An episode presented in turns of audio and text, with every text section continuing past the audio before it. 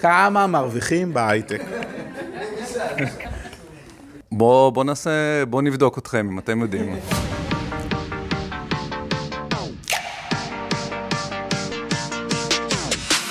יש מצב, עם דוקטור ליאור צורף.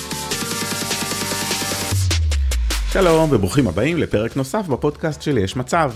את הפרק הזה הקלטנו בביקור בחברת הייטק עם כיתה ט' בחטיבת הביניים שזר בבת ים. זה בית ספר נפלא, ששותף איתנו בפיתוח השיטות שבהם אנחנו פועלים בארבע השנים האחרונות. אחת השאלות המרכזיות שאנחנו שואלים את עצמנו היא איך יוצרים תמונת עתיד אופטימית לתלמידים, איזה מודלים לחיקוי להציג להם ואיך אפשר לעזור להם לדמיין עתיד טוב יותר, איך אפשר לעזור להם ליצור נקודת מפנה חיובית בחיים שלהם.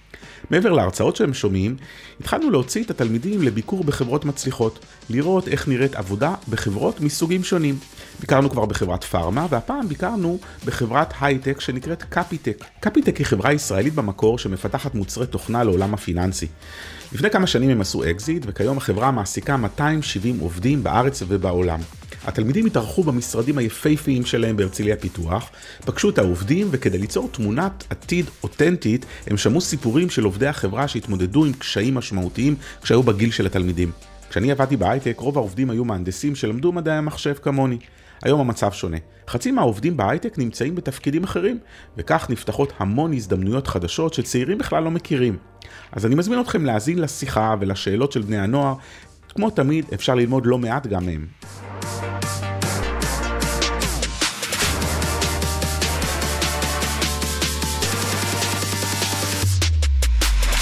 אני רוצה להתחיל איתך, יונתן. בוא תספר קצת על הילדות שלך ומה קרה לך כשהיית צעיר. עליתי מצרפת בגיל 18.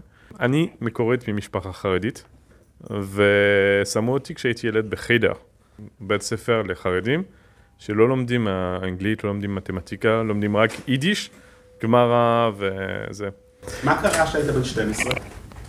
ההורים שלי התגרשו, פשוט עזבתי את הבית, והייתי אצל ה... הסבא וסבתא שלי. והסבא וסבתא שלי, הם אמרו לי, אתה לא יכול להישאר בחיידר, אתה לא לומד כלום, תיכנס לבית ספר רגיל. אז התחלתי בבית ספר רגיל, בכיתה י' נראה לי. לא, היית, לא למדתי מתמטיקה, לא, לא ידעתי מה זה אנגלית, היסטוריה, כל הדבר הזה לא ידעתי כלום. איך נראית? הייתי, אני עדיין. קצת שנן, מדגיש על קצת. הייתי ממש לא טוב ב... בלימודים. מה קרה בגיל 17? בגיל 17, בעיקרון הייתי בבית ספר יהודי, ובבית ספר בצרפת, אם אתם, אולי, ב- בישראל אתם לא חווים את זה, אבל יש מושג כזה שנקרא אנטישמיות, והיו אז uh, חבר'ה שהיו מחכים לנו ב, ביציאה של הבית ספר, והיו עושים לנו בעיות. ויום אחד, אחד, קיבלתי דקירה מחבר'ה אנטישמים. ו... ואז הייתי ממש מלא רעל ומלא כעס, אז uh, התחלתי לבוא לארץ. נמשיך את הסיפור שלך עוד מעט, אני רוצה לעבור למרם ברשותך. שלום מרם. היי, hey, שלום. ספרי לנו קצת uh, על, עלייך וגם על הילדות שלך. אני מרם, אני בת 27. אני עברתי ילדות uh, לא קלה. אבא שלי נפצע בעבודה, והקבלן לא היה לו ביטוח, ואז פשוט היינו על uh, כאילו ביטוח לאומי. ואז היה לנו כאילו משכורת של 3,500. אה, היינו שמונה נפשות. יישוב ערבי, את ערבייה, נכון. כל כך הרבה אחים, עם 3,500 שקל לשמונה אנשים. בכיתה א'-ב', אז פשוט היו לי שלוש אחיות שהן אה, כאילו באקדמיה. ואז היה צריך לממן את זה. ואז היינו כאילו כזה משפחה, כאילו שפשוט אמא הייתה צריכה לעבוד. ולא היה מקובל במגזר הערבי. לא היה פשוט מקובל, וגם לאמא לא הייתה השכלה אקדמית או משהו. אז הייתה עובדת בכתיפת uh, זעתר, זה היה כזה מותר, אנחנו גרנו כאילו בשולי הכפר, אז זה היה כאילו יערות. אז הייתה יוצאת ליער, כותבת את הזעתר, מביאה את זה לכפר, ואז מוכרת את זה. נעבור אלייך, עידית. אהלן, שלום. היי. ספרי קצת על עצמך. אני במקור מלהבים, אם אתם מכירים, שזה ליד אה, באר שבע. אני תמיד הייתי אה, מוזרה קצת. כאילו, הייתי קצת שונה מהשאר, קצת חולמנית, קצת זה, ואתם בטח יודעים, אבל ילדים לא אוהבים מישהו שהוא שונה. אה, כל הזמן צחקו עליי. גם ביסודי, גם בגן, באמת סבלתי מאוד. מה זה אומר צחקו עליי? תסבירי. ירדו עליי, כל הזמן היו קוראים לי בכינויים, היו קוראים לי בשמות. בתיכון זה באמת הפך להיות משהו יותר, אה, כשהייתי בגילכם, אתם כיתה ט', נכון? אז זה התחיל באמת להיות יותר, אה, נקרא לזה, ממוסד, יותר אנשים אה, קבועים שעשו את זה, יותר שמות ספציפיים שהיו קוראים לי בהם. השיא הגיע, מה שליאור התכוון אליו, השיא הגיע שהיה איזשהו טיול שנתי בכיתה י' שהייתי בו, והמצב היה כל כך גרוע מבחינתי, מישהי שכל הזמן הרגשתי שהיא תוקפת אותי, שהיא קוראת לי ב, בכינוי אה, שהוא כל כך לא נעים לי לחזור עליו, שאני אני לא, אני לא מסוגלת לי להגיד לכם כאילו איך היא קרה לי, כי לי זה לא עושה טוב אה, לחזור על זה. אה, זה היה כל כך גרוע שבאיזשהו שלב אמרתי למורה, אני לא יורדת מהאוטובוס. נשארתי באוטובוס, לא עשיתי את המסלולים כולם. מאז, אמנם נשארו לי רק שנת, שנתיים בבית ספר, לא יצאתי לטיולים שנתיים. אני אמרתי, אני, זהו, אני לא, לא חושפת את עצמי יותר ככה, לא יוצאת לשום טיול שנתי, לא כיף, אני נשארת בבית. אני חושבת שבאמת רק בסופו של דבר בכיתה, זה היה בכיתה י', ואז החלטתי שאין לי יותר מה לחפש בבית ספר הזה. מה, מה, מה אני אעשה שם? עברתי לבית ספר אחר, רק אז באמת זה, זה הפסיק. כשאני עברתי אה, טיפול מאוד מאוד ארוך גם כדי להתמודד עם, ה, עם החוויה הזאת שהייתה לי ועם חוויות אחרות, דברים אחרים בחיים שלי, והיא אמרה משהו, זה מאוד יפה, שבגיל הזה לא רואים סוף של דברים. כלומר, לא רואים, אוקיי, עכשיו ככה לי, אבל, אבל אה, בסוף זה ייגמר. מרם, מה את רוצה להגיד להם? אני זוכרת את עצמי, כאילו הייתי ביסודי, ואז אמא שלי אומרת, טוב, זה המצב, אם את רוצה לשנות את זה, אז תעבדי על זה.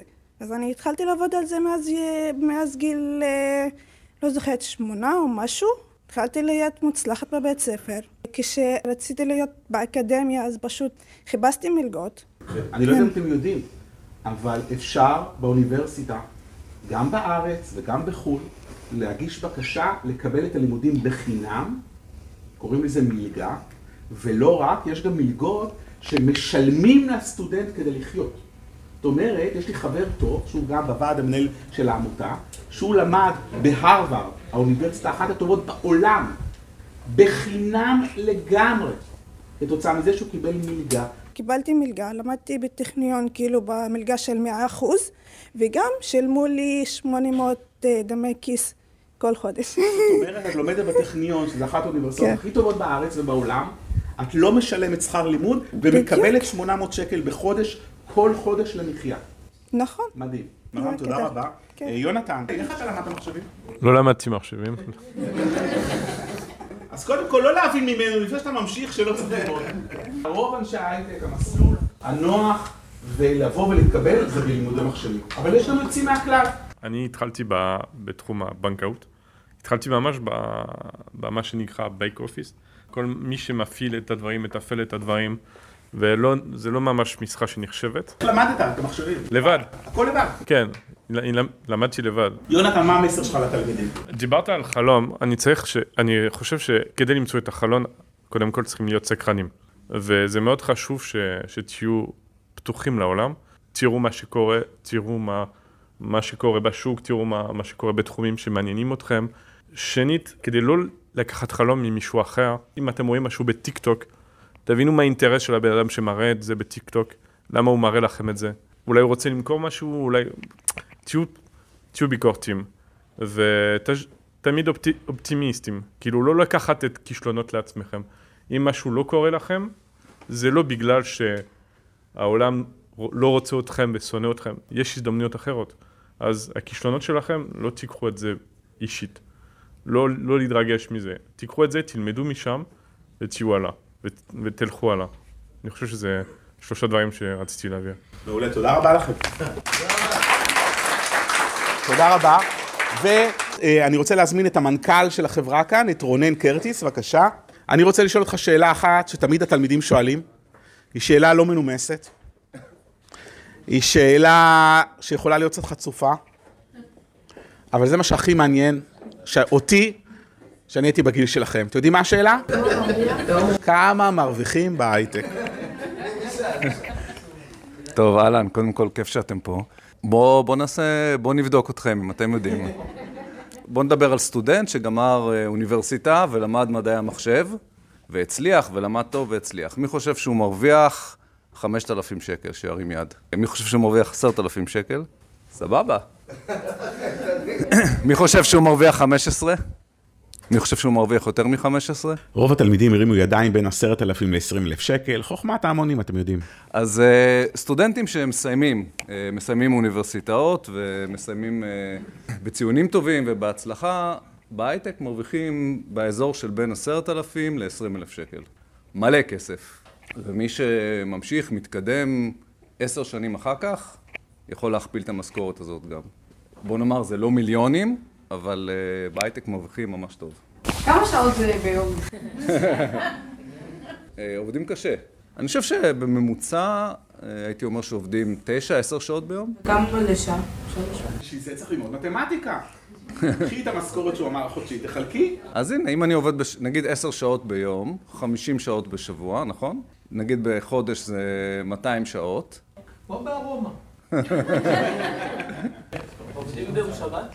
אה, לא, בעיקרון, בעיקרון אנחנו, בואו נאמר כך, בישראל אנחנו עובדים ראשון עד חמישי, רגיל. מה שכן, לפעמים יש אה, צורך לעבוד בסוף שבוע.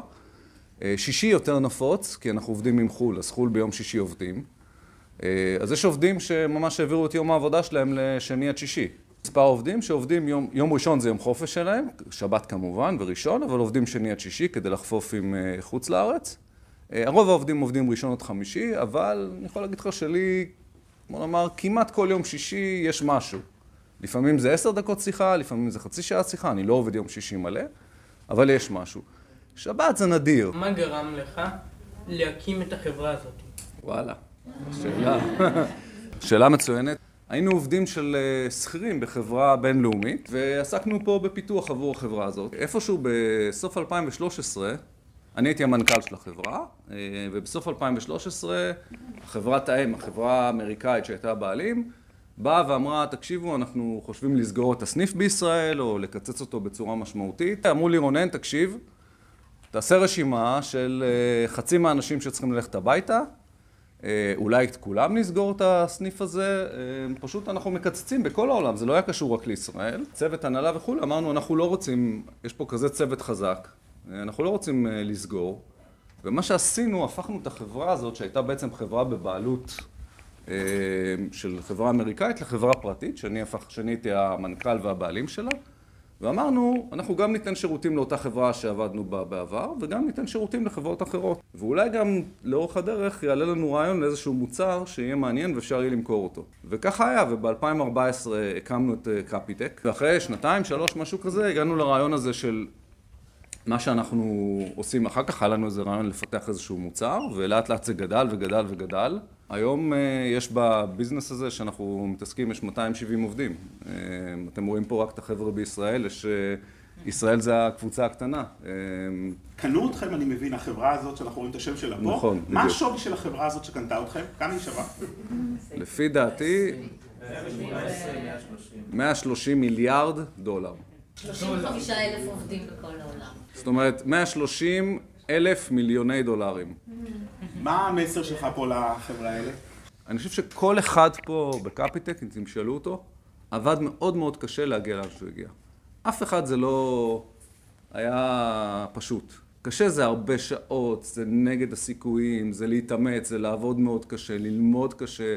זה לא בא בקלות, אבל מי שמאוד מתאמץ, יש לו סיכוי גבוה להצליח. מכל הדברים שאתם לומדים, אם יש משהו אחד שהוא להייטק שהוא הכי משמעותי בעיניי, זה אנגלית. בלי אנגלית, לא תתקבלו. יופי. תודה רבה לרונן. זהו, עד כאן הצצה לעולם ההייטק. תודה רבה לחברים בשזר בת ים, ותודה מיוחדת מכל הלב לחברים בקפיטק. איזה אירוח פשוט נפלא.